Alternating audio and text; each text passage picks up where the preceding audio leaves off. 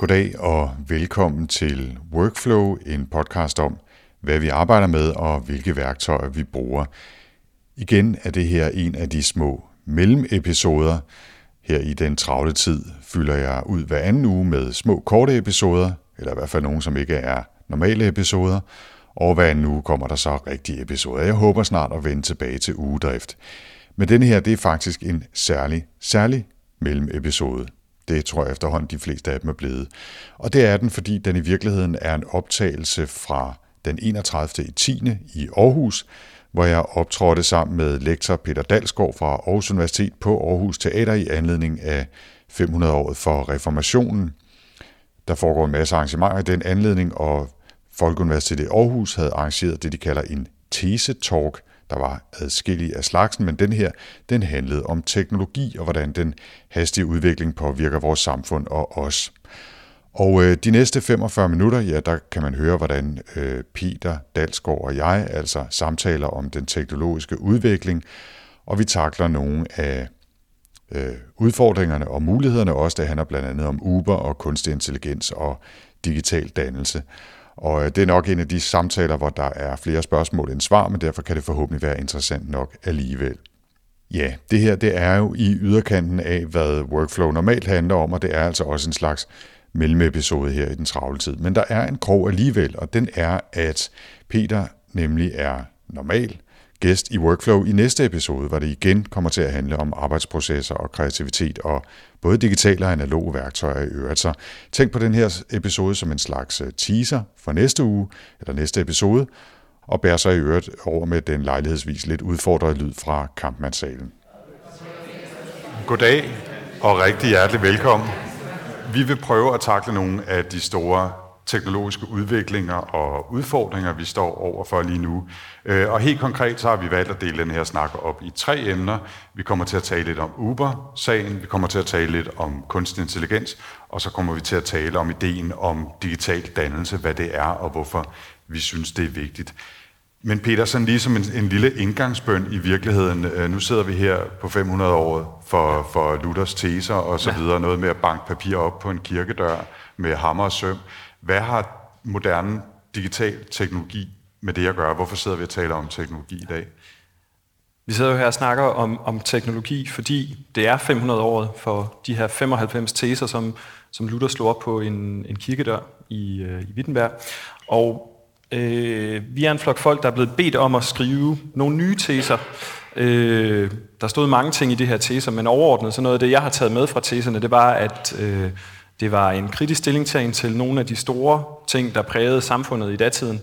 Det var et, et, et samfund gennemsyret af religion.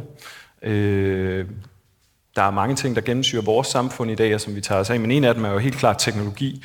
Øh, så jeg har været med til at skrive den her bog, øh, 95 nye teser, øh, sammen med en stribe andre forfattere. Og hver især så har vi skrevet tre teser i bogen, og de tre, jeg har skrevet, handler altså om, om teknologi. og jeg synes jo, det er interessant at beskæftige sig med, fordi det gennemsyrer så mange dele af vores liv. Øh, lige fra det helt nære til vores selvforståelse, til vores måde at kommunikere med hinanden på, og så op til, det, øh, op til de store samfundsmæssige spørgsmål. Øh, mange af de problemstillinger, vi, vi forholder os til nu, handler om teknologi, teknologiske øh, landvindinger. Øh, og, og det påvirker altså sågar også vores demokratiske strukturer. Øh, som for eksempel kigger på amerikansk ja. valgkamp osv. Så, videre. så, så på rigtig mange forskellige niveauer tror jeg, det er vigtigt at på samme måde som Luther han forholdt sig kritisk til ting i sin samtid, at vi så prøver at tænke både kritisk og konstruktivt øh, om, omkring teknologiens ja. rolle. Og øh, du har skrevet teser i bogen, som sagt, og hvis jeg skulle ja. forsøge at opsummere dem som, som øh, en, en rammesættende indgangsbøn ja. i virkeligheden, så, så er humlen ved det, at vi formes af teknologien, og vi er med til at forme teknologien. Og det der samspil er et af de mest kendetegnende faktorer i det moderne samfund. Ja. Og det er jo øh, et, et af de yndlingscitater, som er relevant øh, i den her sammenhæng, som jeg plejer at bruge, det er, at teknologien er ikke god eller ond i sig selv, men den er heller aldrig neutral.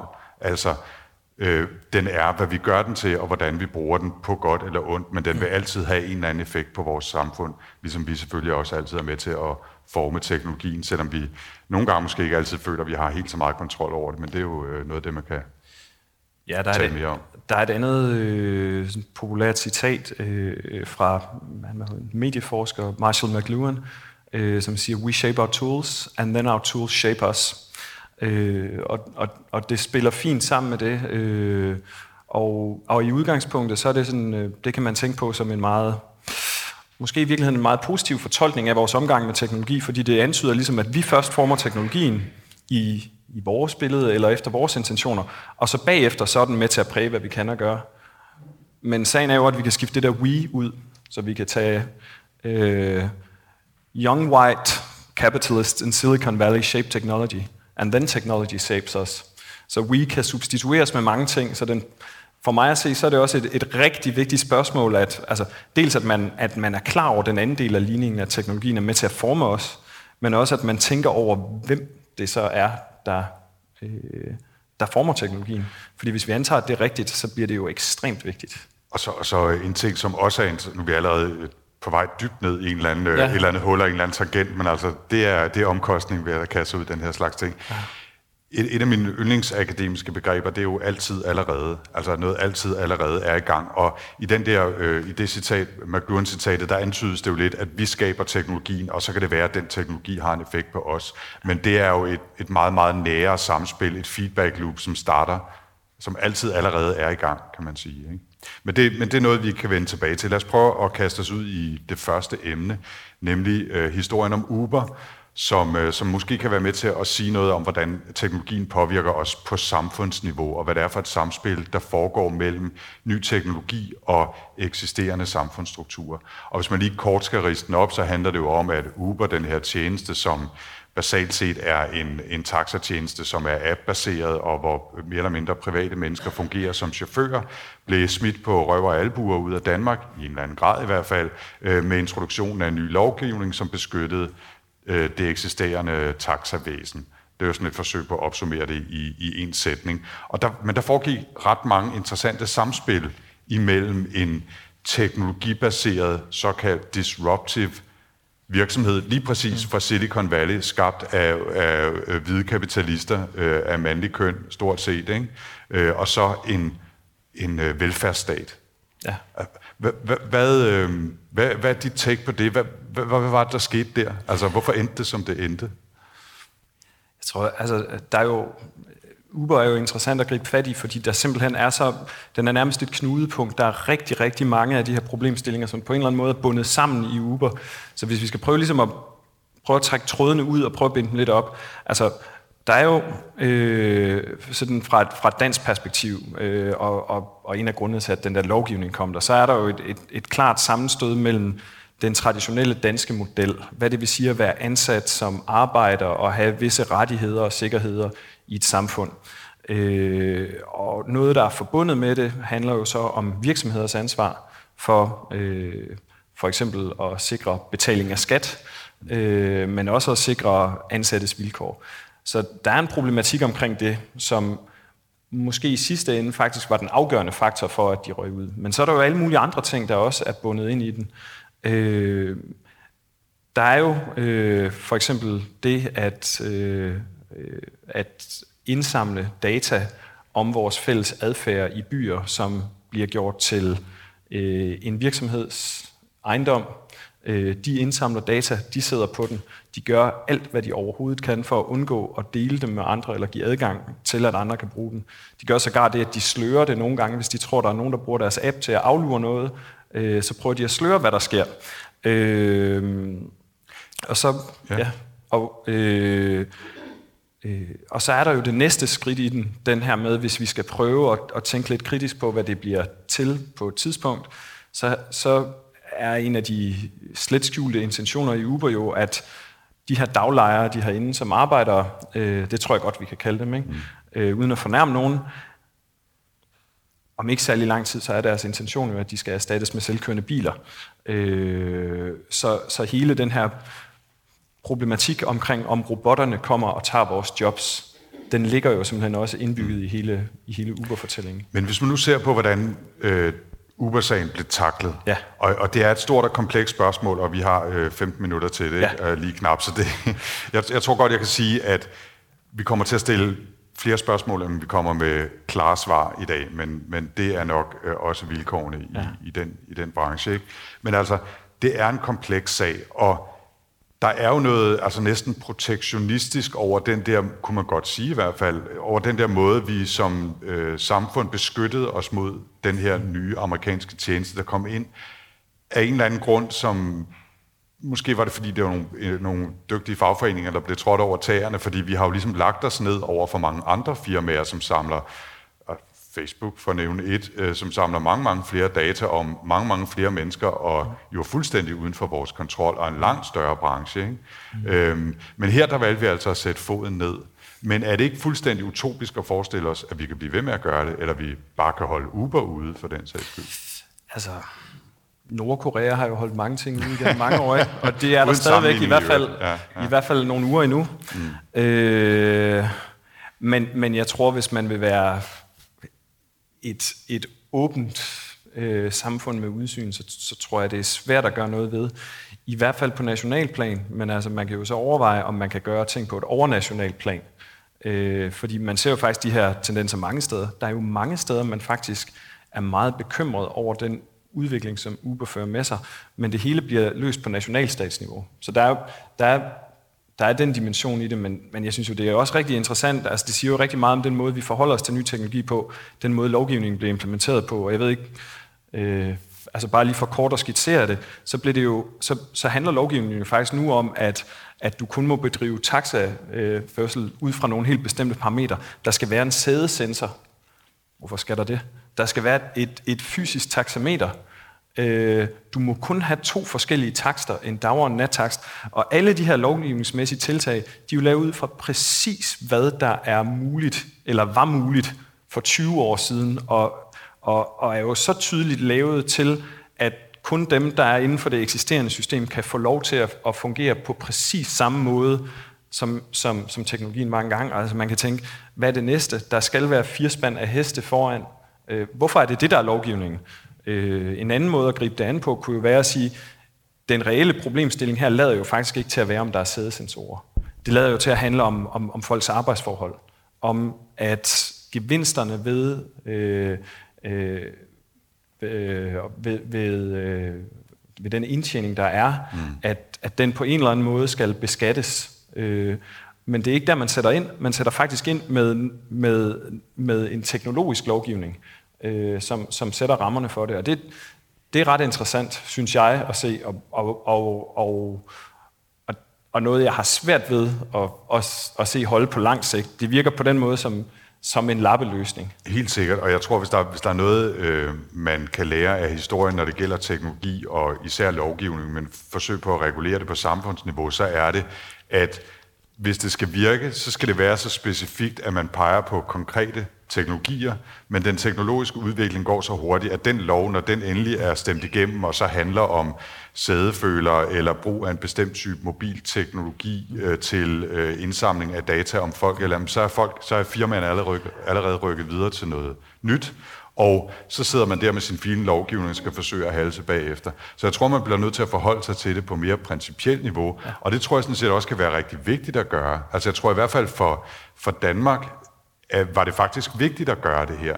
Ikke fordi jeg tror, at det nødvendigvis er nogen super god idé øh, at skrive øh, specifik teknologi ind i en lovgivning, som bestø- beskytter en specifik branche, mm. men fordi jeg tror, det er vigtigt som signal, ja. også indadtil at sige, jamen, det kan godt være, at der er nogle muligheder, men fordi vi kan, er det ikke sikkert, at vi skal. Og den, den lektie tror jeg sådan set er, er fin nok at uddrage den historie her. Det, det synes jeg, altså, øh, jeg kan sagtens forstå det argument. Der, hvor jeg måske synes, der er noget problematisk i det, det er, at hvis man, hvis man, hvis man kigger på de fleste ting, vi ved om innovationsteori, og hvis vi gerne vil sørge for, at vi ikke bare altid bliver dem, der skal forholde os til, hvad der kommer et andet sted fra, øh, og hvem der opfinder og, og former den her teknologi et andet sted fra, øh, så lige præcis protektionisme er, er, en, er en farlig vej at gå, fordi nu hvor den her lovgivning er der, så er der jo lige præcis nul incitament til at innovere de services, man tilbyder. Og jeg er kritisk over for Uber på mange måder, men hvis man har prøvet at bruge dem, så har de altså det, vi kalder en user experience og et service design, altså hvor nemt det er at bruge det, og du har betalt, når du går ud af den. Du kan se, du kan følge bilen på vej, der er alle mulige ting. Det trumfer fuldstændig den oplevelse, man har, når man ellers bruger taxa. Øh, og der er ikke noget incitament til overhovedet at udvikle sig i den retning. Øh, og, og det synes jeg er en uheldig konsekvens af den lovgivning, der er blevet implementeret. Jeg, jeg, jeg er meget enig, øh, og ikke bare fordi jeg har lyst til at tale efter munden her, fordi du lyder så klog, men altså, øh, men det er jeg faktisk, og jeg synes også, at det peger på noget af det, som har irriteret mig grundlæggende ved, ved det her øh, Disruption-råd, som, som er blevet oprettet, og det er præcis, at det er frygtbaseret og øh, protektionistisk i sin, i sin grundidé på en eller anden underlig paradoxal måde. Samtidig med, at man hylder teknologien, så siger man også, at vi er ekstremt bange for, hvad der kommer. Øh, og, og den her disruption, som ødelægger, så der kommer en masse hipster fra Kalifornien og ødelægger det hele med en eller anden app, øh, og det vil vi gerne beskytte os imod. Hvor, hvor min, mit spænd på det, prøver at sige, prøv at tænke på disruption, ikke som sammenbrud eller nedbrud, men som opbrud eller gennembrud. Og så kan man måske altså, skabe en retning, der peger fremad, i stedet for hele tiden at beskytte sig i et eller andet øh, øh, projekt, der ikke kan lade sig gøre. Ikke? Fordi hver gang man slår nogen ned, så dukker der nogle nye op et andet sted. Ikke? Jo, men det, det taler også ind til noget, noget interessant ellers, fordi det er jo det, det er vanskeligt at forestille sig et velfungerende samfund, som hele tiden bliver disrupted. Altså, vi har også brug for stabilitet. Det gælder igen både på samfundsmæssigt niveau, men også ned i de nære relationer. Ikke? Øh, så jeg kan godt forstå Disruption-rådet. Jeg kan også godt forstå, det er utrolig nemt at gøre grin med Disruption-rådet og det sammensætning, ikke? fordi altså min, min tolkning af det, det er jo, det lader mest af alt til at være veletablerede aktører, plus lige sådan et, et wildcard eller to, øh, der snakker om at brænde det hele ned hver syvende år. Øh, men veletablerede aktører, som er interesseret i at opretholde en vis stabilitet. Jeg tror da stadigvæk gerne, de, det ved jeg da, at mange af dem, der er med, er meget interesseret i, hvordan de kan udvikle sig som organisation. Men det er klart, at det kommer til at se lidt sjovt ud, når det er alle de veletablerede, men man ved, at det er ikke der, disruption typisk kommer fra. Det, det ligger nærmest iboende i ordet, ikke? Nu sagde jeg så, at øh, vi kommer ikke til at give klare svar. Det fremgår vist også tydeligt af den her snak. Men det store spørgsmål til sidst, det spørgsmål, vi kan blive enige om det så, ikke, det er, hvordan opretholder vi så, eller skaber en god balance mellem at være åben for de nye teknologier og de muligheder, de skaber, og så opretholdelsen af denne her øh, stabilitet, den her struktur, som trods, skal have, trods alt skal have en vis solid tradition for, at samfundet overhovedet kan virke, og man kan være sikker på, at tingene fungerer i morgen også. Ja. Det er vel i virkeligheden der, ja. den, det centrale problem ligger i den her historie. At nu skal komme med et svar? Det er, du har et minut til det, før vi går videre til den næste her. Nu kommer jeg fra universitetet. Jeg repræsenterer uddannelsessystemet. Jeg synes jo, øh, et muligt svar, det er, at vi sørger for at udvikle vores kompetencer til et niveau, så vi kan være med til at forme det. Men samtidig, at vi indtænker det i forhold til vores samfundsmodel, sådan at de nye services, der bliver udviklet, de i højere grad tager hensyn til de ting, der gælder her. Det er faktisk en, en lang tradition i Skandinavien at have sådan en, en systemudviklingstilgang, kan man kalde den. Som, altså nogle gange kalder vi den participatory design, at vi involverer de mennesker, der i sidste ende faktisk kommer til at leve med at bruge teknologien. Øh, involverer dem i teknologiudviklingen. Øh, det kunne være et svar, men det er selvfølgelig noget, der, der handler om et, et stort løft, og der er mange andre ting, der spiller ind. Tilgængeligheden af, af, af kapital til investeringer osv. Men altså, som repræsentant for uddannelsessystemet, så vil jeg jo helt klart sige, det er der, vi skal sætte ind. Vi skal øge vores kompetenceniveau i en grad, så vi kan være med til at forme det. Fordi ellers så vil vi altid løbe bagefter. Øh, sådan at, øh, at vi at vi, altså, vi skal hen, hvor vi kan være konstruktive og ikke kun kritiske. Øh, eller måske endda konstruerende øh, og ikke kun stå tilbage og så sige, det vil vi have, det vil vi ikke have. Jeg tror lige, øh, jeg i den forbindelse har opfundet et nyt ord, eller et nyt begreb, øh, flexiruption. Og øh, vi har jo den her flex-security-model herhjemme, og øh, vores særlige take på disruption og teknologisk udvikling, det skal naturligvis være flexiruption. Vi arbejder lidt med den, og så, og så går vi i workshop, når, når den her talk er overstået. Så jeg er sikker på, at vi godt kan få banket den på plads. Øh, og øh, ja, vi, vi arbejder med det. Den står for egen regning, det, det Okay, no, Det er ikke noget, no, vi har drøftet okay. inden, det vil jeg sige. Nej, nej, det har, det har vi ikke. Jeg troede bare, du ville synes, det var interessant at arbejde videre med. Men det, det tager vi bagefter. Lad os, lad os prøve at snakke øh, om, om det næste emne. En af de udviklinger, som jeg synes er aller, allermest interessant, sådan på tværs af øh, den teknologiske verden, vi står i lige nu, det er det, man med et samlet begreb kalder kunstig intelligens. Og uden at fortabe mig i akademiske definitioner og detaljer omkring det, så er det nok vigtigt at forstå, at når vi siger kunstig intelligens i dag, så er det ikke noget, der er på et sted, hvor det kan sammenlignes med menneskelig intelligens, hvordan vi så vil definere det. Det er stadigvæk i meget vid udstrækning avanceret mønstergenkendelse, avancerede algoritmer, som kan lave nogle øh, indrømmet ret avancerede ting, men det er stadigvæk mønstergenkendelse inden for snævre domæner. Ikke desto mindre, så er det et område, der sker virkelig meget på, og vi ser det blive brugt i rigtig, rigtig mange sammenhænge. Fra billedgenkendelse til navigation til øh, behandling af enkle rutinesager i, i den offentlige administration og til at skrive øh, korte artikler om finansresultater i aviserne osv. osv. Hvordan skal vi forholde os til det her? Fordi det er noget, som udfordrer os både, øh, jeg har, han har sagt, metafysisk og konkret i hverdagen. Altså det er i en eller anden grad overladet kontrol til systemer, som kan være uigennemsigtige osv. Hvad, hvad, hvad er dit take på kunstig intelligens? Fordi jeg, jeg ved, altså, det bliver næsten nødt til at være sådan et åbent spørgsmål, fordi ja. det er så afsindig vigtigt og centralt ja. i så meget, der foregår lige nu. Altså igen, så er det et sted, hvor der, der er mange forforståelser, der er bundet sammen i det. Der er dels alle de der forskellige tekniske definitioner omkring det, men der er selvfølgelig også alle de måder, man læser sig selv ind i det på, og alt det, man ser for sig, når man, når man hører det her begreb kunstig intelligens. Og hvis jeg skal se på det sted, det er på lige nu, øh, så for mig at se øh, på et samfundsmæssigt niveau, så den største udfordring, den er ikke det her, øh, om, om, du ved, om, om, om vi skaber noget, som er ligesom os selv, men stærkere og klogere og bedre, øh, og som vil tage magten over os. Det, det største issue, helt klart, som jeg ser det for kunstig intelligens nu, det er, hvis vi kigger på, hvad det kan i dag, hvad de så bruger det til, dem der poster allerflest penge i kunstig intelligens. Den største fare ligger ikke i, hvad den kunstige intelligens vil gøre ved os. Den, den største fare ligger i, hvad andre mennesker med særlige interesser og motiver vil bruge kunstig intelligens til i forhold til at forme samfundet øh, og etablere strukturer, som, som de finder øh, øh, mm. gode eller værd at, værd at stræbe efter, øh, afhængig af, hvad det kan være. Altså det kan være profit, men altså, der er jo også øh, kæmpe boost i forskning i kunstig intelligens i, i Kina. De finansierer langt mere, øh, der er langt mere offentlig finansieret forskning i kunstig intelligens der.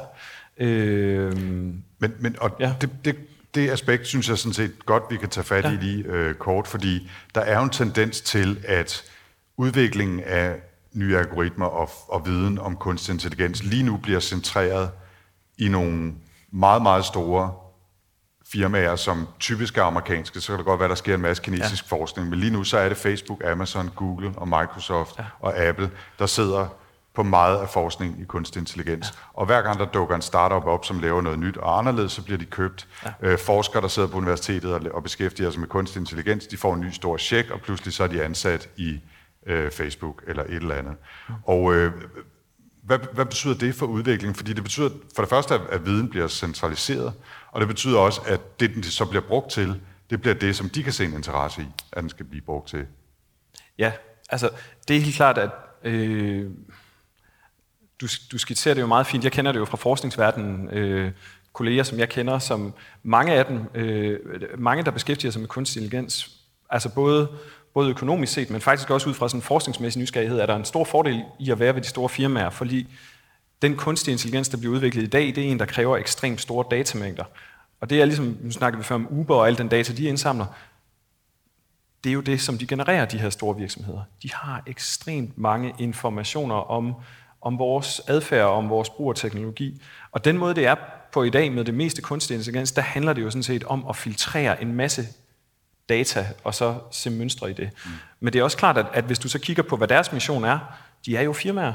De er jo... Øh, altså, jeg, jeg, jeg tror endda, selv, selv du ved, hvis... Øh, øh, Larry Page fra Google Alphabet, eller Sundar Pichai, eller, øh, eller Jeff Bezos, eller andre, de vågnede op i morgen og så sagde, nu skal vi ikke bruge det til at sælge flere bøger, eller sælge flere reklamer, eller sådan noget. Nu vil jeg bruge det til at forbedre samfundet. Så tror jeg ikke engang, at de måtte gøre det, fordi de sikkert er under en eller anden lovgivning, der, der kræver, at de skal skabe mest mulig værdi for deres shareholders i, i virksomhederne.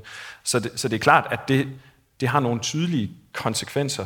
Men jeg vil så sige, at der er, jo, der er stadigvæk et kæmpestort potentiale i forhold til øh, offentlig forskning i kunstig intelligens, men også i, i forhold til forskning i, hvilken indflydelse det kan få. Fordi jeg ser Øh, det er jo, altså, man har et privilegie, når man er, øh, øh når man er offentligt finansieret forsker, men der kommer også med nogle, øh, med nogle forpligtelser, synes jeg. Og en af de forpligtelser, vi har i forhold til for eksempel kunstig intelligens, det er jo at prøve at udvikle meningsfulde alternativer til det, vi ser virksomhederne bruge det til nu. At vi kan være med til at gå forrest og så prøve at sige, hvordan kunne tingene være anderledes? Der er en grund til, at de er endt, som de er. Der er en grund til, at algoritmerne bliver brugt, som de gør nu.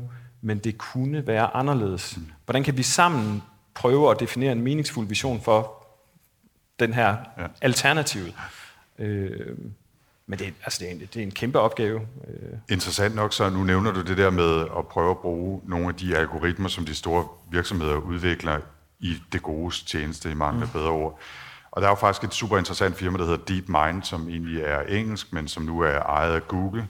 Øh, nogle af os kan muligvis være stødt på det, fordi det stillede op i, øh, i en kamp mod den menneskelige stormester i det brætspil, der hedder Go sidste år, og vandt øh, og har så siden slået endnu en stormester og lavet nye, bedre versioner af det her stykke software, der kan spille Go, men har så sagt, at nu, nu er det fornemt at, at slå de menneskelige stormester, så derfor vil vi kaste os over og bruge vores algoritmer til noget andet, for eksempel at øh, løse klimaproblemerne, eller øh, finde øh, nye kurer til sygdomme osv. Så, så der er jo trods alt nogen, der tager den udfordring op, mm. også inde i de store firmaer, og heldigvis er der også meget af deres software, der bliver lagt ud i open source, så andre kan bruge det. Så, så der sker jo trods alt øh, en, et samspil der, som er interessant og vigtigt. Jamen, jeg tror også, der er måske også det at sige, nu skal man passe på, at man ikke tegner for, for sort-hvide fjendebilleder, fordi jeg kender jo også folk, der arbejder for de her virksomheder, og det er ikke sådan, at de vågner op hver morgen og så tænker, nu skal vi skabe mest mulig profit til vores shareholders. Mange af dem er faktisk også idealister. Øh, de er nysgerrige idealister, så derfor er de der. Men der er jo faktisk rigtig mange, som også, når de bliver opmærksomme på de her problemstillinger, at de så prøver at ændre udviklingen. Altså for eksempel, hvis vi tager det amerikanske valg, rigtig mange mennesker i, i Silicon Valley, de, de hælder jo til venstre på den amerikanske politiske skala. Det var da et gigachok for dem. Hvad er det for et monster, de har været med til at skabe? Øh, så jeg, jeg tror, noget af, af, af udfordringen ligger i, at man at, at, at der simpelthen ikke nødvendigvis har været en opmærksomhed om, hvad det var, man brugte den her teknologi til. Mm. Øh, men der har været et wake-up call. Der kommer ja. sikkert flere wake-up calls. Øh, så så øh, altså, jeg, jeg siger det bare for at moderere det lidt. Ja. Men der er også men, en anden, ja. en, en anden øh, en anden ting i den måde, vi tit tænker på det nu. Altså nu sagde jeg, hvad, hvad, vi skal ikke tænke på, at teknologien øh, i sig selv bliver så klog, så den erstatter os. Hvem ved, om det sker en dag? Altså det, det virker som magisk øh, tænkning. Øh, men og, og du nævner det her med Go, og det er så fantastisk, og nu kan den slå et menneske. Øh, og jeg sidder og tænker, jamen altså, det er jo et simpelt spil med, med basale regler. Det er jo et spørgsmål om, om, om at regne kombinationerne ud. Jeg vil næsten antage, at selvfølgelig vil en computer kunne slå et menneske. Men det, men det betyder men det tog, jo ikke, at den... Det tog 20 år, trods alt, at udvikle ja, sig. Ja. Hvad er 20 år i forhold til hele vores udviklingshistorie? Ja, ja. Øhm, men, men igen, så er det en ting, hvor jeg tænker, det er jo ikke sådan, at, at det så får mig til at tænke, at så kommer den og erstatter mennesker. Altså, øh, tag skak. Det er jo ikke sådan, at folk ikke spiller skak mere. Det er ikke sådan, at Magnus Carlsen øh, ikke tjener en masse penge på at være den bedste skakspiller. Eller tag et andet eksempel. Øh, hvis, hvis man skal prøve at overføre det og, så, og gøre det mindre magisk. Altså, en gaffeltruk kan løfte mere end verdensmesteren i styrkeløft. Øh, det, det er sådan lidt sammenlignet. Hvad betyder det? Ja, altså det betyder, at vi kan effektivisere nogle af vores arbejdsgange, at vi kan bruge tingene på andre, øh, at, at, at, at vi kan bruge vores ressourcer og evner til andre ting, end, end at løfte tunge ting. Ja. Så, så jeg, jeg tror, man skal passe på med det der med øh, enten eller. Øh, det ja. kommer og gør det hele. Ja. Altså, jeg tror meget mere på at tænke på den her med, hvordan man kan komplementere hinanden. Jeg, jeg, jeg er meget enig, og, og jeg synes, øh, et interessant, øh, en interessant retning, den her udvikling tager lige nu, som er ekstremt vigtig, det er, hvordan mennesker og maskine, sagt sådan lidt øh, formularisk, kan arbejde sammen. Altså, og, og en af de øh, spændende ting, man har set efter, at Deep Blue slog Kasparov i skak tilbage i 97, som jo også var en af de der store slag mellem mennesker og maskine, hvor maskinen vandt, og åh oh nej, og hvad sker der nu? Men en af de ting, man har set, det er jo, at nu stiller folk jo op i hold med skakcomputer og mennesker, som spiller mod andre hold af skakcomputer og mennesker. Og det der samspil, synes jeg er interessant, at man ser, at man får det bedste af begge verdener, også i de her meget publicerede og også hypede eksperimenter med at lade øh, IBM's øh, såkaldte kognitive system Watson stille op og hjælpe læger for eksempel med at stille diagnoser eller foreslå behandlinger. Der har man også mulighed for at få det bedste af begge verdener. Ja, jeg tror også, det er repræsentativt for den måde, vi faktisk vil se brugen af de her systemer på. Altså, fordi det, det bliver meget stillet op, som robotten kommer og tager dit job. Der er ikke en robot, der kan gøre hele mit job nu. Det der nok snart vil ske... Det, det siger du. Ja, jeg, jeg ved ikke, hvordan det er for radioværter. Men altså, ja, vi er en truet ja. race. Øh, men, men men hvis vi prøver at kigge på det igen, og så tager Uber som eksempel. Folk bruger jo faktisk mange intelligente systemer, når de kører bil i dag. Taxachauffører bruger dem også. De sidder og bruger de der intelligente systemer hele tiden. Så når jeg ser på det selvfølgelig også ud fra mit felt, fordi jeg mener, jeg studerer, hvordan vi kan forme teknologier, som folk kan bruge, som giver mening i deres arbejde, så tror jeg meget mere, at det bliver et spørgsmål om, at vi kommer til at udvikle dem, så de løbende kommer til at komplementere os, så vi kan for eksempel finde hurtigere og mere effektivt frem til øh, en given adresse, når vi kører en bil, og undgå trafikpropperne, fordi det er der en masse data øh, om. Altså det kunne være et eksempel. Øh, og hvem ved så, måske en dag kommer det til at ske, så behøver vi ikke køre bil mere. Men altså en anden måde at tænke på det på, det er da, fedt, så slipper jeg for det. Så kan jeg bruge mine kræfter på noget andet. Lad mig lige som, øh, som et forsøg på at skabe en overgang mellem snakken om kunstig intelligens og så snakken om digital dannelse, som, som kommer om et øjeblik, nævne den udfordring, der lige nu ligger i, at mange af de her avancerede algoritmer faktisk er meget, meget svære at se efter i kortene. Øhm, så hvis der kommer et resultat ud af det, for eksempel hvis man bruger det i det offentlige administration, jamen du har ret til øh, kontant, kontanthjælp eller ej, eller Watson på Rigshospitalet foreslår en behandling eller ej på baggrund af store datamængder og nogle selvlærende algoritmer osv., så kan det faktisk være enormt svært at gå tilbage og se. Det er den ene ting. Den anden ting er, at de algoritmer er jo trods alt skabt af nogle mennesker, som måske har nogle indbyggede fordomme eller kan tage fejl, og de er skabt på baggrund af data, som er store øh, i stor mængde, men trods alt kommer ud fra nogle bestemte steder eller områder, som også kan være fyldt med indbygget bias osv. Det, det er jo lige præcis et godt eksempel på, at nogle gange så bliver teknologien så avanceret, at den kan være svær at forstå og følge med i, og også at vi er med til at forme teknologien, samtidig med, at den er med til at forme os. Det er vel en, en central og vigtig udfordring i det her felt. Ja, det er det, og det er måske en af de, altså en af de problemstillinger, hvor kunstig intelligens adskiller sig fra tidligere teknologier. Altså de traditionelle software er også kompleks, men der vil det være muligt for os at gå ind og grave i koden og se, hvorfor en, en, en, en, en løsning eller et resultat er blevet, som det er. Og det er jo en af de øh, problemstillinger, man står for her, at, at med for eksempel neurale netværk, der vil det ikke nødvendigvis være lige til for os at gå ind og finde men det er også derfor, at en af de ting, der bliver forsket i nu, øh, og som jeg forestiller mig bliver et stort felt, det er, hvordan man kan gøre de her beslutninger, som, som kunstig intelligens træffer, inspicerbare. Hvordan kan vi forstå, at de har nået øh, øh, den konklusion, ja. truffet den beslutning. Så jeg kan kun sige, det er faktisk et af de steder, hvor jeg synes, der er virkelig er, altså, der er der behov for at sætte ind. Øh, og, og så bliver der jo snakket om forskellige ting, man kan gøre. Altså for eksempel i USA, øh, der snakker de om, man skal have sådan et National Algorithm Board, ligesom vi har i Danmark havarikommissioner og andet. Ikke? At, at man simpelthen, hvis man udvikler tilstrækkeligt avanceret kunstig intelligens, at der simpelthen skal være en, en national eller overnational myndighed, der kan, øh, der kan inspicere det. Altså jeg kunne igen godt blive bange for, at det kunne være en, en innovationsbremse, men det er måske igen en afvejning af, hvor, hvor store risici øh, bliver vi konfronteret ja. med. Jeg, jeg har talt, tidligere talt med, med professor Rasmus Pag fra IT-universitetet i København, som, som har forsket præcis de her ting og foreslår, at vi simpelthen skal have en, øh, en algoritme-ombudsmand, ja. øh, som, som man kan klage til, hvis man synes, der er sket et eller andet, og som så kan få adgang til selv proprietære algoritmer i firmaer, netop for at kunne se dem efter, også ja. uden at de så skal lægge dem ud i, øh, ja. i verden. Peter, vi, vi, vi skal nå også at tale lidt om øh, digital dannelse. Ja.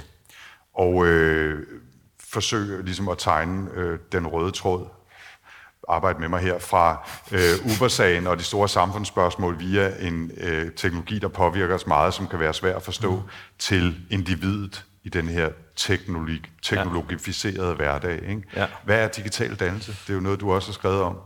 Øh, hvis jeg skal prøve at se på det i den her sammenhæng, øh, så er der nogle komponenter, vi allerede har været inde på, og især hvis vi, hvis vi prøver at se det også ind i altså, den her 500 år og det historiske perspektiv og sådan noget. Så man siger, den, en vigtig komponent i det, og det lyder lidt kedeligt, men, men det er en historisk bevidsthed om, hvorfor teknologien er blevet, som den er. Altså, der er en stor tendens til, at vi tager teknologien for givet, og vores dannelse i forhold til teknologien, så handler om at operere under de præmisser, som er udstukket, fordi den nu er blevet, som den er blevet. Øh, og hvis jeg skal prøve at eksemplificere det, så lad os tage Facebook. Så digital dannelse kan for eksempel handle om, at man snakker med sine børn om, hvad de må lægge ud på Facebook, og hvilke øh, indstillinger de skal give for, om en post er privat, eller hvordan man må skrive noget til hinanden på Facebook. Det er sådan et, et, et eksempel, som tit bliver brugt. Ikke? Og det er vigtigt at forstå, hvordan man agerer i forhold til det. Men et dannelsesbegreb, det bør da helt klart også handle om, hvordan kan det være, at Facebook er blevet til? Hvordan kan det være, at det har den form, det har? Øh, under hvilke omstændigheder er det opstået? Hvordan kan det være, at vi er begyndt at bruge det, som vi er? Så der er sådan et, et historisk kritisk perspektiv i, i, i, i, øh, i digital dannelse, som jeg synes er meget vigtigt. Og det afspejler måske sådan en traditionel dannelsesforståelse. Øh, men hvad så, så er der så en, ja, ja, og der er så også en anden vinkel på det, ikke? Mm-hmm. Øh, som så er den, der rækker fremad, og det er noget af det, jeg synes er interessant ved den, altså det, man bredt kan kalde for digital dannelse. Det er jo, at øh, det for mig at se også må rumme det her element af at forestille sig, hvordan tingene kunne være anderledes. Fordi hvis man opnår den bevidsthed om, at der er en grund til, at tingene er blevet, som de er, og det former vores hverdag nu, så, så tænker jeg også på det som en, en, en dannelsesmæssig fordring til os, at vi så overvejer, hvordan kan vi skabe noget, som er anderledes og måske er mere meningsfuldt. Så for mig at se, der, øh, det her det er vigtigt at forholde sig til det forhåndværende, det der er her nu, men, øh, men digital dannelse, det bør både, nu skal jeg se, hvordan vender det for jer, række tilbage i tiden, øh, med en forståelse for, hvorfor tingene er blevet, som de er, men også række frem i tiden og så sige, hvordan kunne de være anderledes? Øh, især som, som vi snakker om, når, når det er nogen, der typisk har et andet perspektiv end os, som, som former teknologien. Hvis vi skal kunne gøre det her, både se tilbage, forstå, hvad vi er formet af, og hvad tjenester som Facebook eller historier som Uber udspringer af, og vi skal kunne se for eksempel, hvad kunstig intelligens og avancerede algoritmer skal kunne bruges til i det gode tjeneste, igen i mangel af bedre ord. Mm. Altså, er det nok med sådan almindelig sund fornuft, almindelig dannelse, øh, kritisk tænkning, eller er det nødvendigt med et konkret teknologisk aspekt af det her også, altså al den her snak om programmeringsforståelse i skolerne ja. osv. videre, øh, eller i virkeligheden på arbejdspladserne. Der er jo masser af folk, øh, også siger jeg, på, ja. på vores alder, som, som ikke nødvendigvis har de nødvendige teknologiske kompetencer til at kunne tage oplyst stilling til nogle af de her ting. Hvad, hvad er forholdet mellem de der to øh, aspekter? Jamen altså, det er oplagt at prøve, som, som der også er tiltag nu, ligesom at, at sætte ind for eksempel i grundskolen og på gymnasiet, øh, og udvikle fag, som mere specifikt er rettet øh, mod teknologisk forståelse, mod kompetencer til at konstruere, altså man kan kalde det informatik eller programmering og sådan noget. Og det er noget, man ser rigtig mange steder, og det synes jeg er vigtigt, og det synes jeg, det er noget, vi skal satse på. Men hvis jeg kigger på det sådan lidt mere i helikopteren, så kan man sige, altså, nu ved jeg ikke, øh, gennemsnitsalderen nu er den 80 år, og folk går i skole 10 år plus måske, øh, de, de videre efteruddannelser. Der er faktisk en kæmpe stor del af befolkningen, som ikke er i skole nu, og som jeg synes, det er da mindst lige så vigtigt øh, at opnå digital dannelse for alle dem, der ikke går i skolen. For eksempel, så er dem, der træffer beslutningerne og stemmer til valgene, de går ikke i skole nu, de når ikke at få informatikfaget. Så der er en, der er en, en mere overordnet problematik, der handler om, hvordan vi kan skabe, altså hvis jeg skal være idealistisk, så sige det der det historiske perspektiv, men også det der med, hvad vi så vil kunne forme med teknologien. Det synes jeg er en stor udfordring, og jeg, jeg har ikke nogen konkrete svar på, hvordan vi løser den, fordi i skolen, der kan vi tvinge folk, øh, men når de er færdige, så kan vi ikke. Og hvis vi, hvis vi siger, det er super vigtigt, hvad, hvad pokker gør vi så ved det? Så øh, det er måske et af de steder, hvor jeg, hvor jeg mere vil pege på, at der er en åben problemstilling. Altså folk kan komme til Folkeuniversitetet øh, og andre, øh, andre lignende ting. Øh, men, men der er i hvert fald der er en, en udfordring, som, som, som jeg tror virkelig er, er, er værd at forholde sig til. Og der er jo faktisk også det, at mange, jeg tror mange forældre i dag har lidt håbet om, at deres børn vil fortælle dem, hvordan man bruger teknologien. Ikke? Øh, og det, er, altså, det kan børn ikke nødvendigvis i dag. Der er den her forestilling om, at vi har de her digital natives, som bare kan det hele, men altså, hvis, hvis jeg kigger bredt ud over det, så, lærer, så, så i, højere, i, i vid udstrækning, så lærer man at blive forbruger. Eller bruger af det forhåndenværende af det eksisterende, og ikke nødvendigvis at være medskaber. Så det kan man ikke engang forvente, at ens børn kan komme og lære en. Øh, jeg plejer at sige i den forbindelse, at øh, man bliver jo heller ikke en god kok bare af at spise meget. Nej, øh, og, og det er lidt sådan, men man bliver tyk. Ja, lige præcis, ikke? Og, og måske ovenikøbet fed. Ikke? Øhm, der er fem minutter tilbage. Jeg har lyst til, fordi vi, vi nåede en eller anden form for øh, afrunding i det her totalt store kaos af, af, af et emne. Hvis der er nogle spørgsmål, øh, som I har lyst til at smide ind her til de sidste fem minutter, inden jeg stiller Peter et spørgsmål mere, så er I meget velkommen. Så smid en lap i vejret. Øh, så prøver vi at takle det også. Øh, der går en mikrofon rundt. Men øh, hvis der ikke er nogen, der straks gør det, der var en der. Ja, ja, ja. Så, du skal lige have en lille smule interaktion, trods alt. Tak. Det er lidt i forhold til det, vi snakkede om først med lovgivningen, som blev lavet øh, på Uber. Ja. Øh, og så prøver vi også at snakke om det der med delebilsordninger, som kommer, øh, og, og selvkørende teknologi. Øh, og nu har det selvfølgelig noget at gøre med, hvem vi vælger ind til at sidde og lave den her politik selvfølgelig. Men øh, de nye lov, der er, vil de gøre det endnu sværere for Danmark at komme med på den bølge? når den, altså den er jo startet lige så stille, ikke med nogle små eksperimenter, men... Øh... Ja, det lader det jo umiddelbart til, fordi hvis du, hvis du ikke må bedrive taxakørsel uden at leve op til de der bestemmelser, så er der jo rigtig mange, der er sat ud af spillet, og det vil være en stor investering. Altså mange af de felter, hvor der er sket øh, ekstrem innovation, der er det blandt andet sket, fordi det har krævet meget lidt at, at komme altså ud over kompetencer og viden at komme i gang.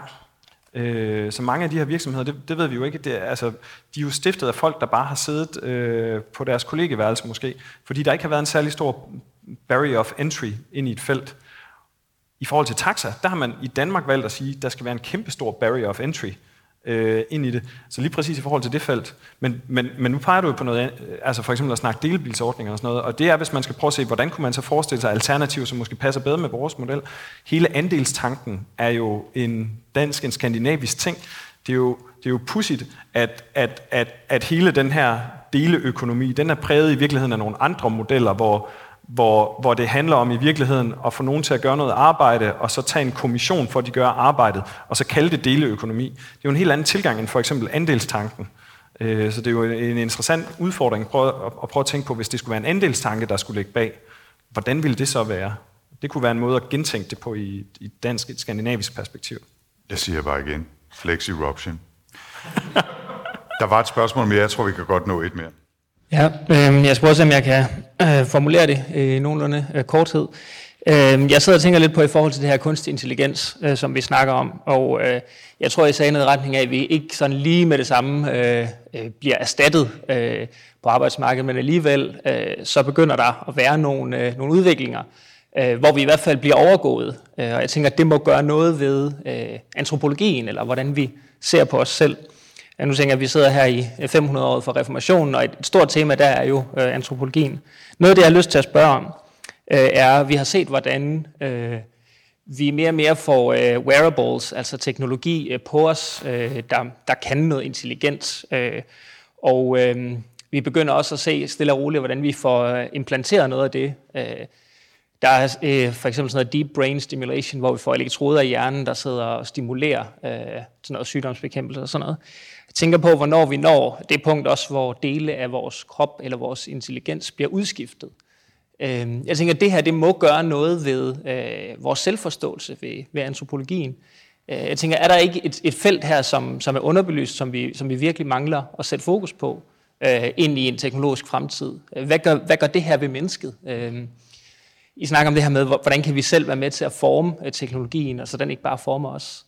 Jeg ved ikke, om man kan sige noget kort inden for, for det her. Hvad, hvad tænker I? Ja, vi, har, vi har cirka to minutter, ikke? Øhm, jeg, jeg, ved ikke, om det er, jeg, jeg ved ikke, om det er underbelyst. Øh, det er det givetvis, fordi det er et felt, der udvikler sig, så der er hele tiden behov for mere indsigt og viden i det. Og det er jo også noget, som øh, hele tiden forandrer sig, og derfor så den viden, vi havde om, hvordan vi interagerede med teknologien, konkret fysisk eller hvad mere igennem skærminterfaces eller på andre måder, er jo forældet, hvis vi ser på, hvordan det foregik for 5 eller 10 år siden i forhold til i dag, og derfor så er det selvfølgelig et felt, som, som hele tiden kræver ny viden. Øhm, så, så derfor tror jeg, det er ekstremt vigtigt altså, øh, at, at holde fokus på det, fordi det er noget, der påvirker os. Og nu siger du sådan noget, øh, hvad hedder det, cyborg-agtigt, noget med elektroder i hjernen og den slags ting. Det er jo sådan den ekstreme udgave af det trods alt stadigvæk for menigmand. Ikke? Øh, jeg har en lille chip i hånden, den bruger jeg ikke rigtig til noget, men jeg føler mig da lidt som cyborg alligevel. Ikke? Jeg ved ikke, hvor meget det gør ved mig, eller har gjort ved mig, men nogen må det gerne komme og studere det, for jeg er sikker på, at det har påvirket mig på en eller anden måde. Ikke? Så jeg tror, det er ekstremt vigtigt. Men pointen her var, at jeg tror, det er meget, meget vigtigt også at se på den, se på den teknologi, vi bruger i hverdagen, og hvordan det påvirker os, fordi vi allerede, altid allerede, der var den igen, er blevet en slags cyborgs, ikke nødvendigvis konkret fysisk sammensmeltet med teknologien, men mentalt sammensmeltet med teknologien på godt og ondt. Ikke? Og det er jo også en af grundene til, at vi sidder og taler her øh, om det på den måde, som vi gør i dag. Og så får du den sidste kommentar, Pelle.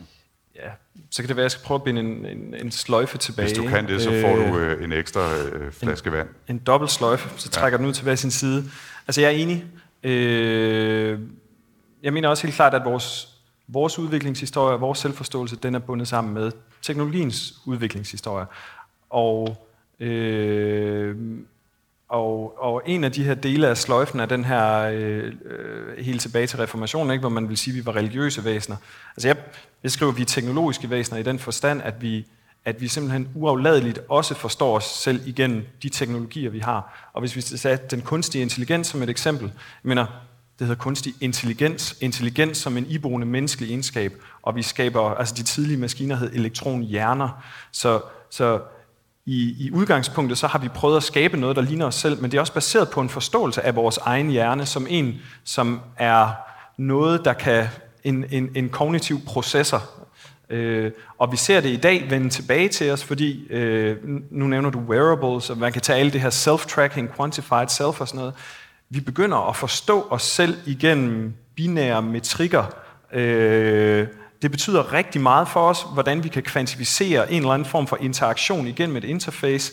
Vi, øh, vi skaber en selvforståelse af, hvor, hvor dygtige, hvor stærke, hvor øh, kloge, hvor sunde vi er, men også hvor populære vi er i, øh, i, i sociale sammenhænge, blandt andet baseret på sådan en eller anden binær øh, øh, forståelse af, at, at, at det må da kunne gøres op med, med nogle måltal. Øh, så jeg synes, du har fuldstændig ret, men jeg vil også sige, jeg tror, det er ekstremt vanskeligt at sige noget normativt omkring det, fordi det er et af de felter, hvor man har haft nogle, nogle stærke forudsigelser om, hvad der vil være godt og skidt. Det var hele overvågningsfeltet, ikke? hvor hvis vi spoler tiden 20 år tilbage, og så prøver at præsentere for, hvordan vi overvåger hinanden og os selv og bliver overvåget, så vil det, det være end nogle af de dystopier, der var dengang. Og dengang der tænkte man, hvis vi ender der, så er det den værste af alle verdener. Og nu er vi her i dag, og de fleste mennesker, de siger, de tænker ikke over det. De tænker ikke på det her som den værste af alle verdener, vel? Så derfor så tror jeg også, man skal passe på med ikke at være for normativ med udgangspunkt i, hvad vi ved i dag, når vi forestiller os, hvad det vil gøre ved os på sigt.